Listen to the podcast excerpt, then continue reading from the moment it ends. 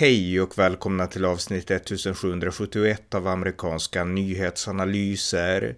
En konservativ podcast med mig, Ronny Berggren, som ni gärna får stödja på swishnummer 070-30 28 95 0. Eddie Omar, den före detta islamisten, numera författare och redaktör för Det goda samhället, som brukade delta här på amerikanska nyhetsanalyser regelbundet, är tillbaka. Vi gör en catch-up om livet och samhället. Varmt välkomna! Tjena Eddie, hur är läget? Det är bara bra. Vi har poddat eh, ganska många gånger under åren. Jag tror vi började 2017 eller någonting. Vi har pratat kan... länge, ja verkligen, alltså vi har ju pratat länge som helst du och jag, så att det här är ju lite grann en catch-up. För att eh, senast jag gick igenom amerikanska nyhetsanalysers poddarkiv, nu är det så här, ska jag säga till de som lyssnar att vi spelar in respektive, du spelar in för det goda samhället och jag spelar in för min podd amerikanska nyhetsanalyser, så att vi, vi dubbelkör den här podden kan man säga, det här samtalet. Men, eh, nej men vi har samtalat länge du och jag och det har alltid varit kul och trevligt och så. Men sen gick jag igenom då mitt arkiv på amerikanska nyhetsanalyser och senast vi pratade, det var i november 2021. Så att eh, det var ju ett tag sedan. Och sen, så, sen var det ett uppehåll där, ja vad sa du? Det är otroligt vad tiden har gått fort. Verkligen, så jag tänkte fråga, vad har du, vad har du gjort de senaste, det senaste året? Alltså, jag har jobbat på som vanligt bara med det goda samhället. Vi har ju poddat också med olika personer. Mm. Jag vet inte varför det inte blivit av att vi har poddat. Jag tror att du försvann från Facebook och jag tror vi tappade ja, alltså jag har väldigt mycket kontakt med folk via Facebook för det är så enkelt och smidigt, speciellt med de här som man inte umgås med liksom varje dag och så. Eh, och bara har kontakt med ibland i liksom sån här i business liksom. Så att eh, du försvann där och jag tror att det var en av anledningarna till att vi, ja. ja in... Jag tror inte jag addat dig på mitt nya Facebook-konto, jag får göra det. Har du, jaha, du har ett Facebook-konto nu igen? Jag har ett konto men, det, men jag, jag lägger inte ut någonting därför jag, jag blev så trött av sociala medier. Hmm. Eh, så jag stängde mitt där Facebook-konto som hade många följare och så vidare. Så upp till ett annat som har väldigt få. Där bara är, och där jag inte skriver och postar någonting. Jag använder bara för kommunikation. Just det. Mm.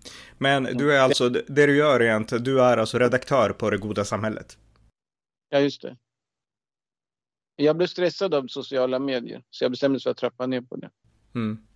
Jag har poddat eh, ganska frekvent sedan dess. Men jag har nog missat några kontakter som jag hade tidigare på Facebook.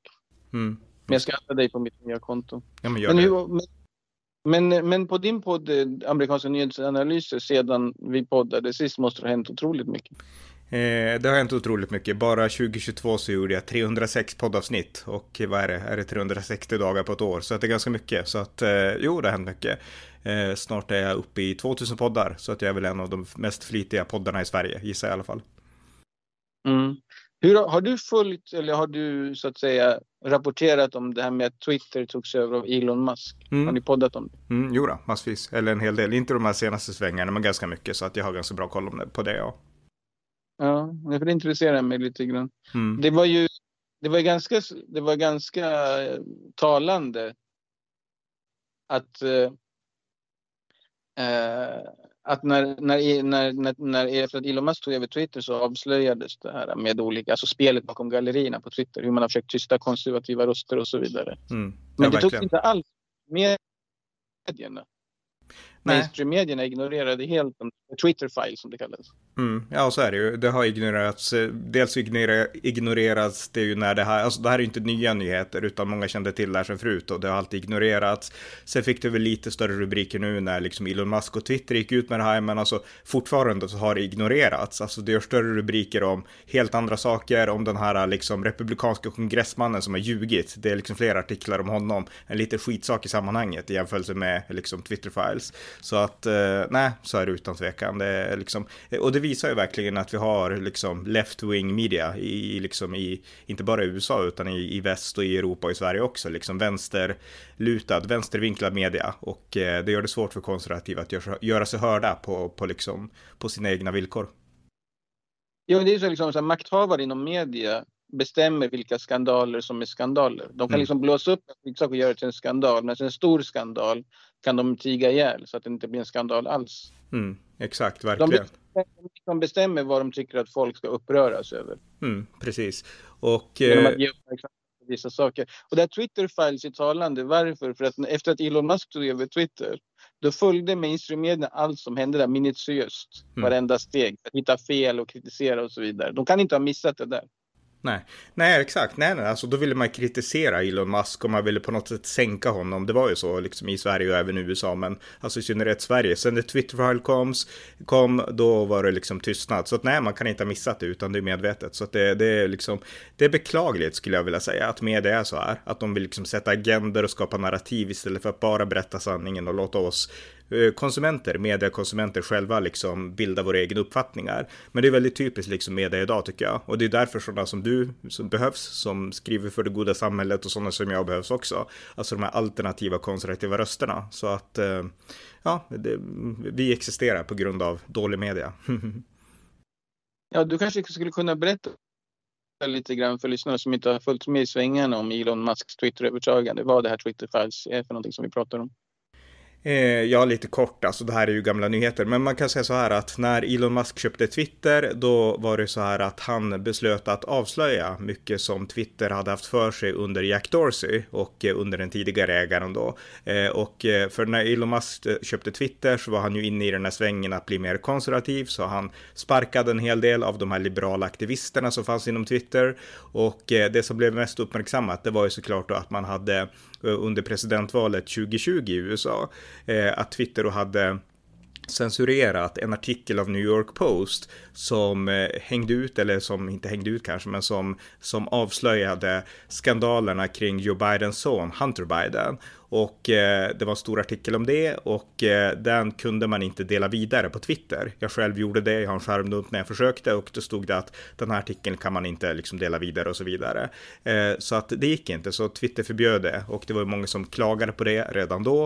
Eh, men de vart bara avfärdade att det här är bara en konspirationsteori, alltså skrivelser om Hunter Biden. Sen, långt efter valet, så uppkom det ju att allt var sant. liksom Hunter Biden var verkligen en nolla som hade haft massa skandaler och problem med sitt bagage och eh, artikeln var grundläggande korrekt och eh, Twitter hade censurerat det. Och det Elon Musk gjorde då, det var att han lät, alltså han lät liksom i detalj beskriva spelet bakom gallerierna, alltså liksom hur Twitter hade mörklagt och varför.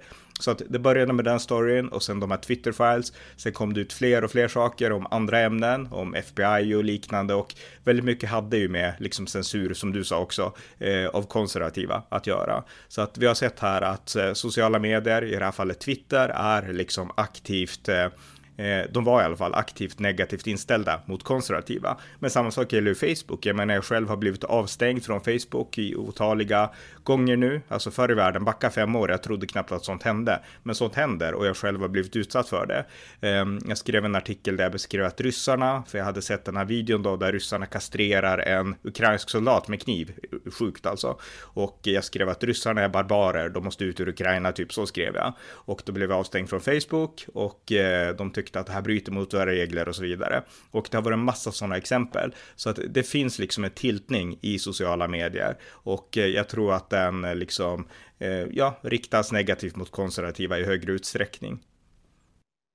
Men kan det ha varit för att den där postningen innehöll bilder av könsorgan? Nej, det, så var det inte, utan det var bara liksom min text.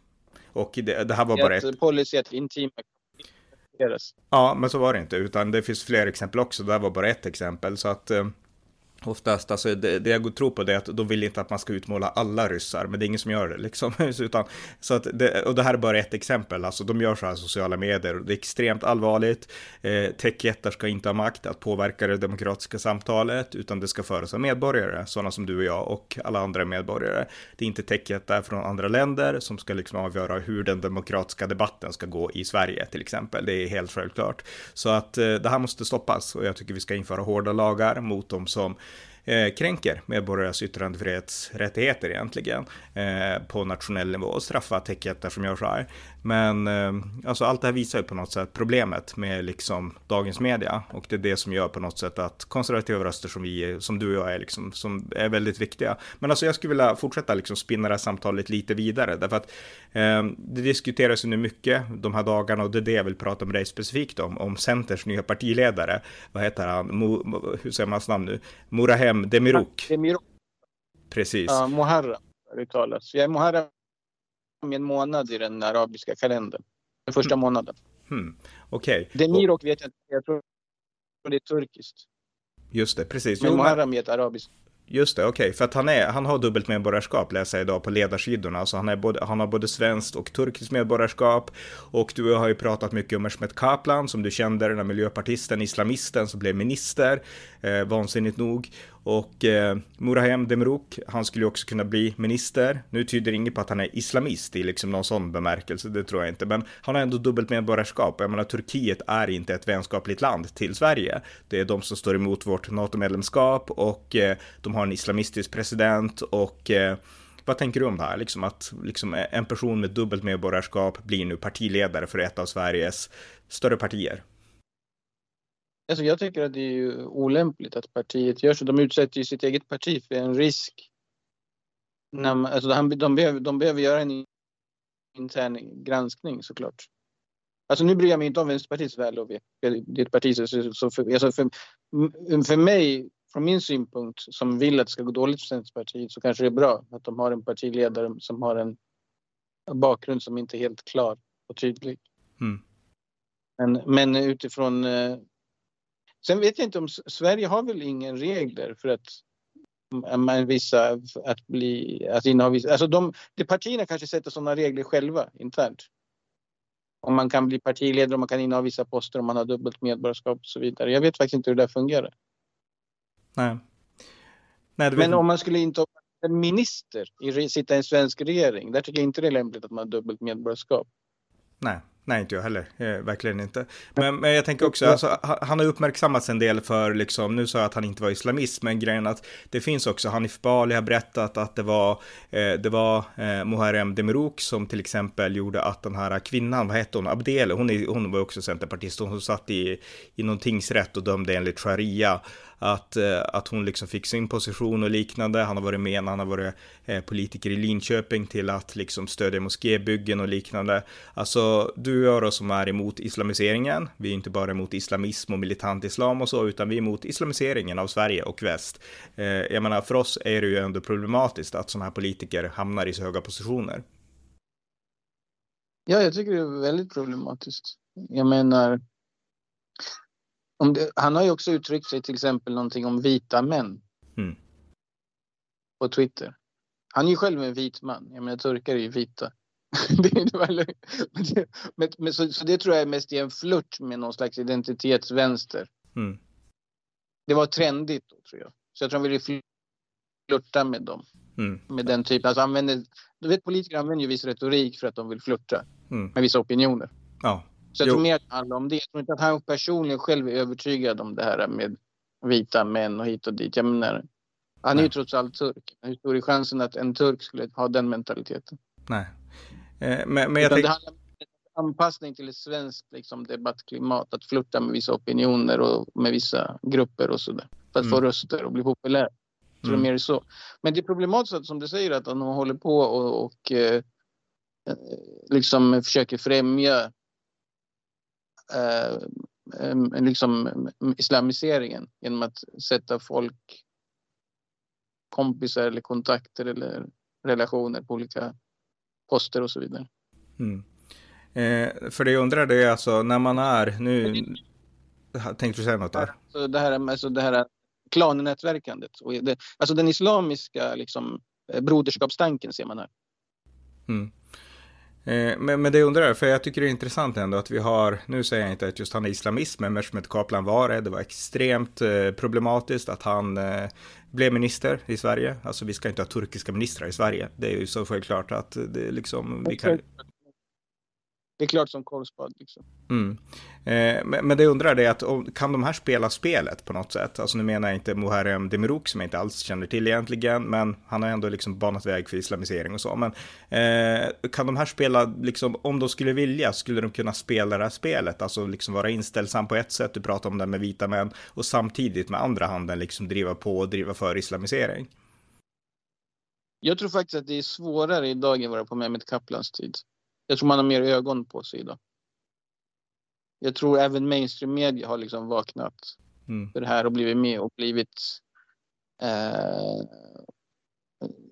jag, jag, tror att det är helt Ja, det är mer, jag, jag tror att vaksam. Precis. Jag tror att till exempel om Haram Demirok skulle spela ett dubbelspel så jag, jag, tror faktiskt att han skulle själv avstå från att göra vissa saker för att av rädsla för att det skulle, skulle kunna framstå som mm. att han främjar muslimer eller islamism och så vidare.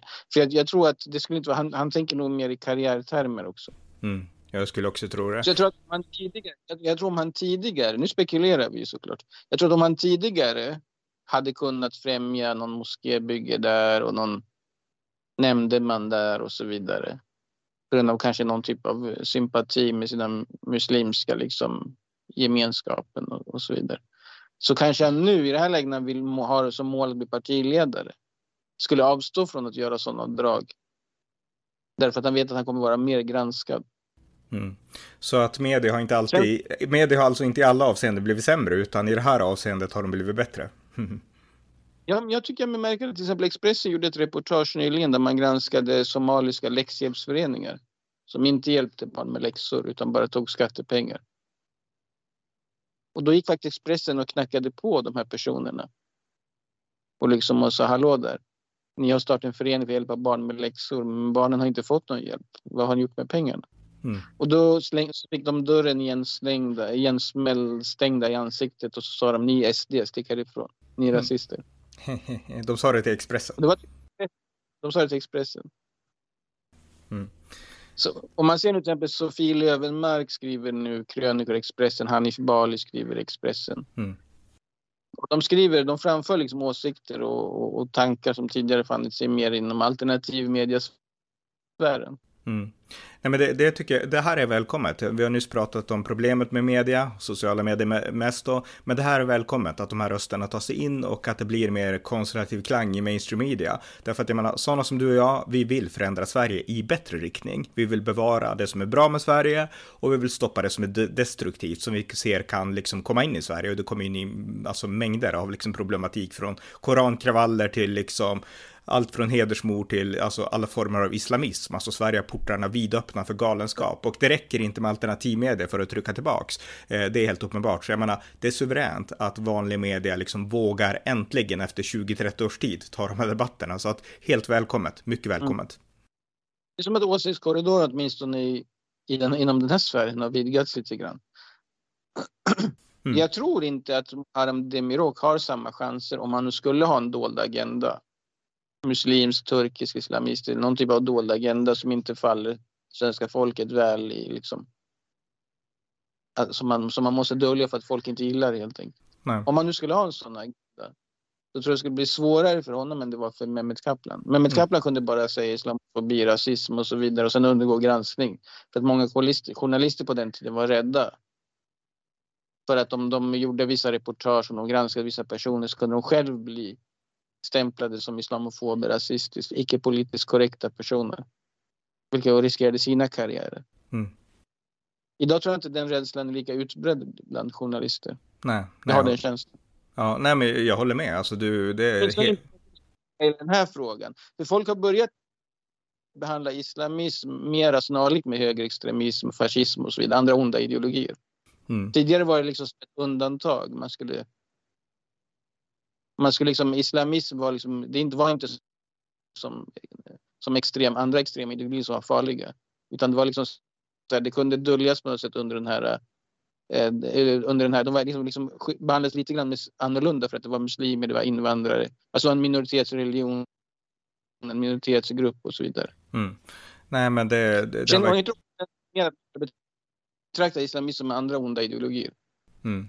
Nej, det har verkligen förändrats och eh, jag menar, det, det är välkommet. Jag tycker också det är viktigt att påpeka det här. Alltså det är inte fel att spekulera som vi gör nu om liksom Muharrem Demirous möjliga liksom bakomliggande motiv. Det finns alla anledningar att göra det och media gör det hela tiden. Man gräver upp saker om SD, man gör det ena och det andra. Så att jag menar, det finns goda skäl för oss här i Sverige att ändå granska kritiskt en person i en sån här ja, maktställning som...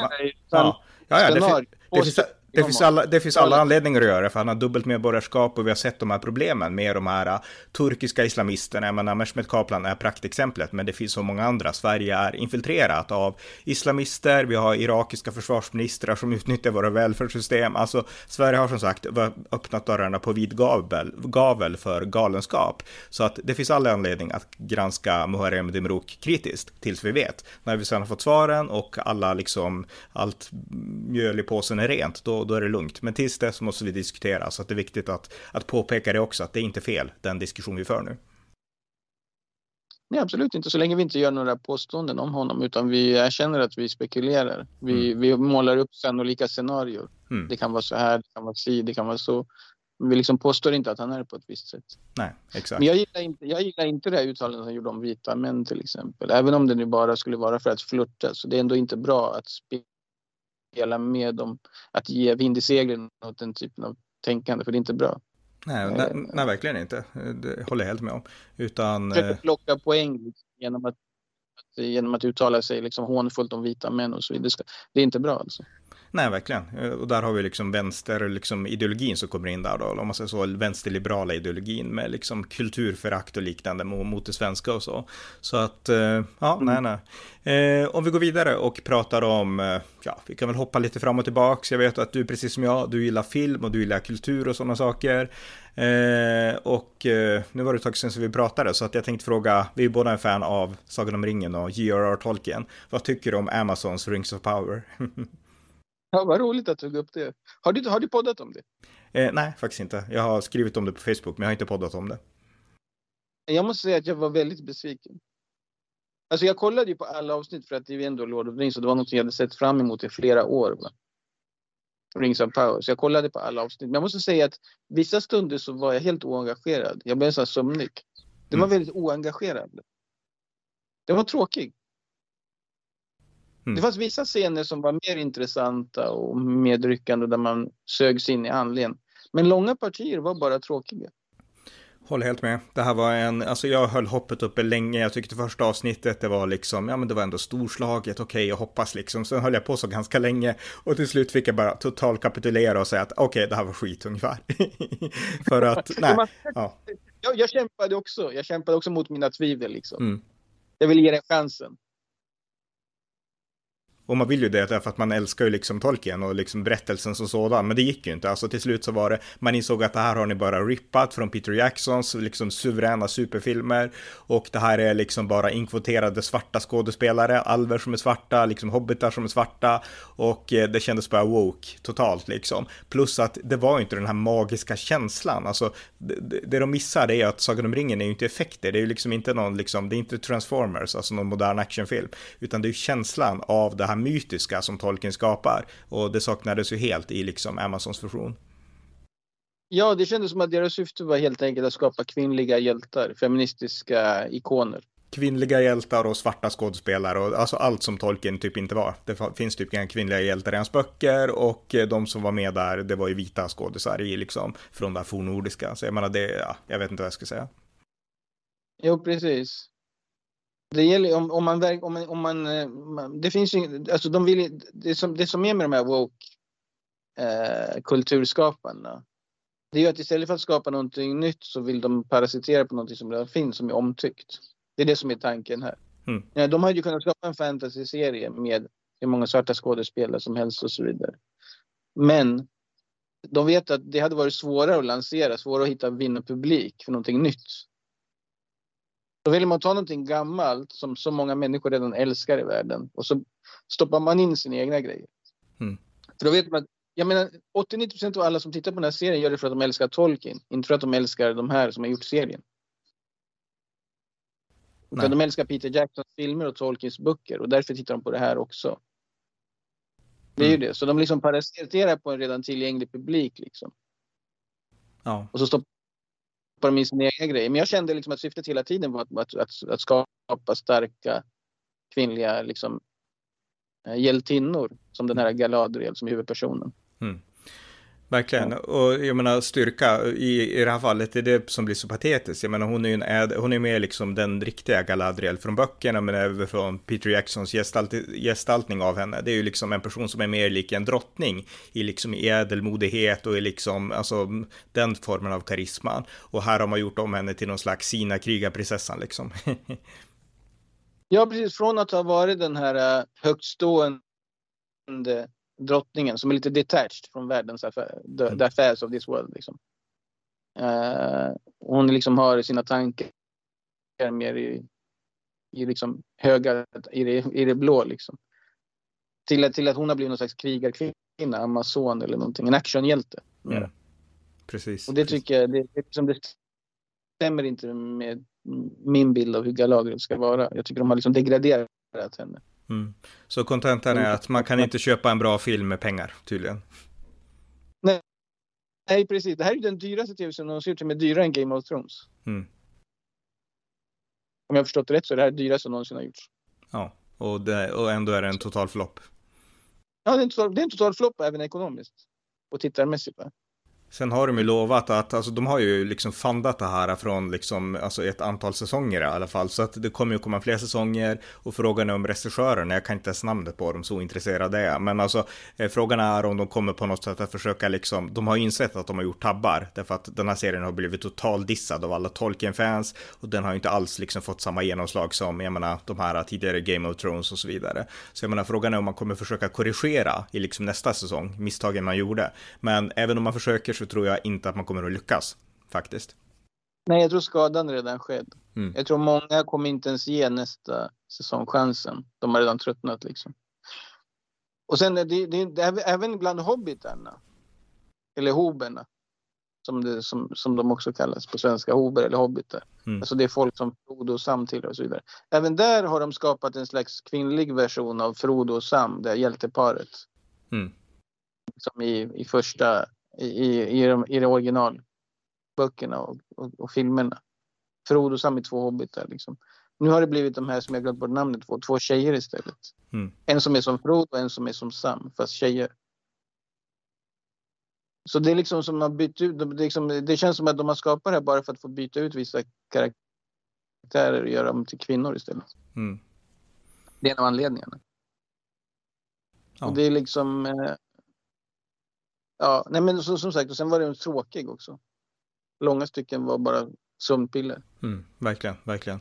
Ja, eh, vi kanske inte ska fastna med den här så mycket längre till, utan jag vill mest bara fråga dig. Är det något annat liksom i kulturväg du skulle vilja på något sätt berätta om? Jag tänkte mer fortsätta på det här med yttrandefrihet, för vi talade om vad som händer i USA med Twitter. Mm. Men här i Sverige har det också gjort försök liksom, att inskränka yttrandefriheten för politiker. Som jag såg att du också har kommenterat på din Facebook-sida när, när man har sagt att Richard Jomshof inte ska uttala sig om domar. Mm. Det visade sig att det var, det var bara de falska påståenden också. Ja, Precis, och det han ut, uttalade sig kritiskt mot det var ett, ett antal personer i de här korankravallerna förra året, att de hade blivit friade. Och eh, då fick han jättemycket kritik från alla möjliga håll. Ann Ramberg och andra som är liksom väldigt aktivistiska som gick ut och sa att det här är fruktansvärt och så. Men eh, han bestämde inte över domstolarna utan han sa bara sin åsikt och det har läst är att det är helt okej, okay, det får man göra som riksdagsledamot. Och eh, ja. Ja, men det är klart, alltså, jag tycker det är väldigt märkligt att personer som kan juridik kan uttala sig på det sättet. Det betyder att de utnyttjar sina titlar för att påverka och för att, alltså genom, genom, för att påverka opinion. De, de missbrukar sina titlar. Mm. Vilket är väldigt ja. vanligt tyvärr. Ja, exakt. De missbrukar sina titlar för att, ge legitimitet, för att ge legitimitet till sitt vänsternarrativ. Exakt. Men om du är domare eller advokat eller om du har läst juridik, kanske har en doktorstitel och så vidare. Då inger det förtroende och då missbrukar det genom att vilseleda. Att ge folk falsk information medan du använder din titel. Det de gör ett mycket större fel än Richard Richard Jonsson gjorde inte ens fel, utan de har gjort fel som missbrukar sina akademiska titlar och sina yrkestitlar. Mm. Richard Jonsson har inte gjort något fel. Han som politiker har ju all rätt i världen. Det är det som är politikernas syfte. Att kritisera det som pågår i samhället, domar, vad det nu kan vara för att bilda opinion och sen kunna ändra lagarna. De är lagstiftare. Mm. Ja. De ska representera en person i samhället som tycker att det här är fel, så som vi dömer nu är fel. Mm. Så vad tycker folk i Gott Gottsunda, din gamla stadsdel, om Tidöavtalet? det var länge sedan jag var i Gottsunda på. Jag vet inte riktigt vad de tycker om det. Jag tror inte de har så stor koll på Tidöavtalet. Men, men många, folk som jag pratar med som har mera känning än det muslimska eh, communityt liksom generellt. Eh, de säger ju att som folk är oroliga och så där i moskékretsar och så över det här med eh, den nya regeringen och vad det ska innebära och så vidare. Att man tror att den så kallade islamofobin ska öka och så. Mm. Mm. Ja. Eh... Men redan nu, jag, jag tycker mot nu, på den tiden jag var muslim och skrev i medier och så vidare. Då var det flera muslimer som var ute och skrev debattartiklar, pratade i radion, blev inbjudna till tv och pratade om ditt och det. Nu känns det som att många muslimer har dragit sig tillbaka. De gömmer sig mera känns det som. Hmm. Jag tror det beror på att man har blivit bränd av medierna och politiken. Av det, liksom, det offentliga samtalet i Sverige. Man har, det har liksom visat sig att det visar sig att det blir svårt att hålla de här dubbla identiteterna. Mm. Det som kallas för taqiya ibland. Just det, okej, okay, så att de har blivit avslöjade, avklädda lite grann och de känner själva att nu går det här inte hem längre. Så tidigare kunde man spela dubbelspelet, att du så, så sitta i en tv-studio och uttrycka dig diplomatiskt. Liksom samtidigt som du hade andra värderingar innerst inne. Mm. Och du liksom, men nu känns det som att nu har, tror de upplever att journalister ställer mer kritiska frågor. Om du säger liksom så här, jag tycker om mänskliga rättigheter, då kanske du får frågan, men men sharia har ju det och det som är emot mänsklighet. Vad tycker du om det? Alltså du får följdfrågor idag. Men blir det en kortslutning då? Kan man inte svara ärligt då eller vad, vad händer då? Svara ärligt för att om du sitter i en tv-studio och du får sådana kritiska frågor. Om du svarar så som, så för att, för, som gör majoriteten av svenska folket nöjda. Eh, då kommer du få problem sen när du går tillbaka till din moské, dina moskévänner. Då kommer det anses att du har liksom gått emot deras värdegrund. Så du måste liksom balansera mittemellan de här två värdegrunderna. Mm. Den svenska majoritetsfolkets värdegrund, den muslimska moskéfolkets värdegrund. Det är två olika värdegrunder. Mm. Och det är svårt att göra båda nöjda så att säga. Tidigare kunde man göra det för att du fick inte så mycket kritiska frågor när det var i den svenska offentligheten. Du kunde bara svara lite luddigt, vagt och så vidare med använda floskler och så vidare om mänskliga rättigheter eller eller yttrandefrihet, religionsfrihet eller vad det nu kan vara. Det kan bara, nu tror jag fler kan mer om islam och de blir mindre rädda för att ställa kritiska frågor. Mm. Jag upplever så, vilket gör då att det blir svårare att balansera där mellan de här två värdegrunderna och göra båda sidorna nöjda. För om du skulle sitta till exempel i tv och säga så här sharia är fel, sharia-lagen är fel och så vidare. Klart tydligt. Då kommer du inte längre vara ansedd som muslim när du kommer tillbaka till moskén. Mm. Du kommer inte kunna längre ha en ledande roll inom moskén. Som ordförande eller styrelseledamot eller imam eller en respekterad person överhuvudtaget. Nej, så att det, det då, kommer du... att, mm. då kommer att du har sålt din religion för att göra svenskarna glada. Ja, och det här visar verkligen... Nej, och det här visar verkligen att... Jag, förstår, men det här visar verkligen... Då kommer en ja. person, en hycklare. Mm det här visar verkligen att det växt fram ett islamiskt parallellsamhälle i Sverige och jag menar därför finns det ingen anledning att fortsätta godkänna moskébyggen och eh, saker som den här, ja, den blivande centerledaren då förmodligen har gjort. Så jag menar, här ser vi ett exempel på att det växer fram ett islamiskt parallellsamhälle i Sverige och det måste liksom tryckas tillbaka eh, för att bevara Sverige svenskt på sikt. Så att eh, ja, eh, men, men jag tänkte också fråga, alltså, i, i debatten nu som, som förs om, kring de här frågorna, så det har ju börjat pratas en del om slöjor, alltså islamiska slöjor, och inte minst på grund av protesterna i Iran, där kvinnor tar av sig slöjorna i protest och i liksom kamp för frihet. Men alltså slöjan, vi här i Sverige, vi tror alltid att den, det är en, individu en individualistisk eh, sak, alltså det är, det är kvinnorna själva som definierar vad det betyder just för dem. Eh, kan man säga så, eller kan man generalisera så att folk som har slöjor, det finns ändå något gemensamt här i Sverige? Nej, jag skulle säga att den här, det sättet att prata om slöjan, det är en anpassning till eh, västvärldens sätt att tänka. Det är för att appellera till en västerländsk publik. För att liksom, eh, hur ska man säga, göra slöjan mer acceptabel för en västerländsk publik. Då måste man försvara med den typen av argument. Inom muslimsk världen använder man inte sådana argument. Där säger man att man måste ha slöja för att islam säger det. Därför har vi slöja. Men sen när de kommer till västvärlden, då kan du inte säga så att sharia säger, islam säger jag ska ha slöja därför jag har slöja. Det låter för primitivt liksom. Det låter förtryckande i västerlänningars ögon, öron. Så därför säger man istället att eh, ni värderar frihet, man får klä sig man vill och jag vill klä mig så här. Så det är bara ett sätt att ändra sitt språk för att anpassa sig till en annan, andra människors sätt att tänka. Mm. Men i grunden självklart övertygelsen är ju att jag är muslim, jag måste ha den.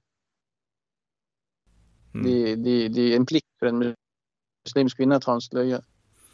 Men hur ska vi förhålla oss till det här då tycker du? Alltså den här liksom öppna liksom, uttrycken för de här religiösa attributen. Alltså hur ska Sverige hantera det?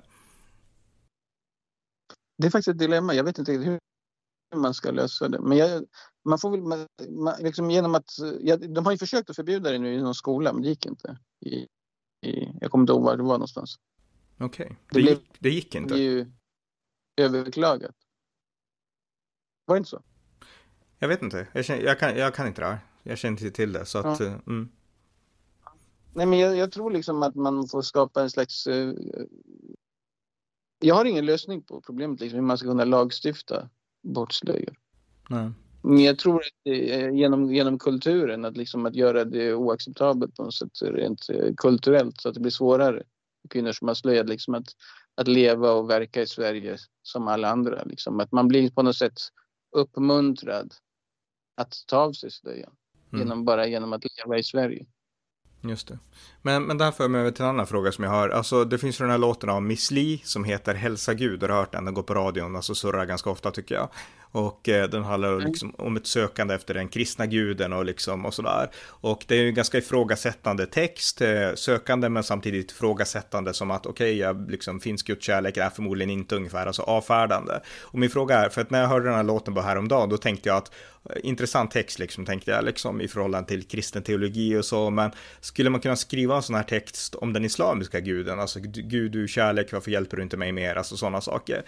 Skulle man kunna skriva så inom islam eller liksom muslimer generellt, har man, har man samma slags reflektioner kring Gud som den gode kärleksfulla guden, liksom som det finns inom kristendomen, eller har man ett annat förhållande till Gud inom islam utifrån dina egna erfarenheter? Man säger att Gud är kärleksfull, men uh, man skulle inte kunna uttrycka sig på det sättet att Gud, du är kärlek, varför gör du så? Det är ju att ifrågasätta Gud, det är hädelse. Man har, man har kärlek, man säger att Gud är kärleksfull, men det är också mycket fruktan. Gud ska fruktas. Så det, det, det, det, så det är inte så, det liknar den kristna guden på vissa sätt men det är olika på andra sätt. Det är inte samma uppfattning man har i Guds bild. Så vissa sätt som kristna uttryck som Gud kan inte muslimer göra. Hmm. Liksom, eh, det skulle inte muslimer acceptera som att liksom att att, att, liksom att, att ifrågasätta Gud och säga så här, Gud varför har jag gjort så här mot mig liksom. Vilket en människa kan göra då när man är förtvivlad och så vidare. Men bland muslimer skulle det beteendet fördömas, säga att det är härdiskt och så vidare. Du måste acceptera Guds domar. Mm. Du måste bara acceptera. Men, men om Guds domar, för det här är intressant, för kristen teologi har svar på det här, enligt kristen tro, men alltså om Guds domar då är liksom, alltså om det händer saker som man, där man kan tänka att om Gud är kärleksfull, det är det klassiska i kristen teologi, teodi, ser problemet, varför finns det ondska i världen? Alltså hur, hur, hur liksom besvarar muslimer det, alltså om man också har samma bild av Gud som kärleksfull? Jag tror muslimer skulle säga att det ondskan i världen är en prövning och du får bli belönad för allt lidande efter döden. Så därför är det värt det. Mm. Det finns nog olika frågor, men någonting i den stilen. Men vet du vad Ronny, jag hör att min dotter ropar på mig från okay. ett rum. Okej, okay, men vet du vad, då kan ja. vi kanske börja snabbt lite avrunda här då, att eh, vi får fortsätta. Ta... Ja, jag skulle vilja fortsätta. Mm. Jag måste ta itu med det. Det kan vara någonting där. Vi gör så. Det låter bra. Okej, okay. men har det gått, har det gått så hörs vi. Yes, hej, hej. Tack för att ni har lyssnat på amerikanska nyhetsanalyser. En konservativ podcast med målet att förklara USA på djupet, att stå upp för västvärlden och inspirera byggandet av en stark konservativ allians i Sverige. Vill ni stödja podden kan det göras på swishnummer 070-30 28 95 0 eller via hemsidan usapool.blogspot.com på Paypal, Patreon eller bankkonto. Har ni möjlighet så skänk också gärna en gåva till valfri Ukraina-insamling. Allt gott tills nästa gång.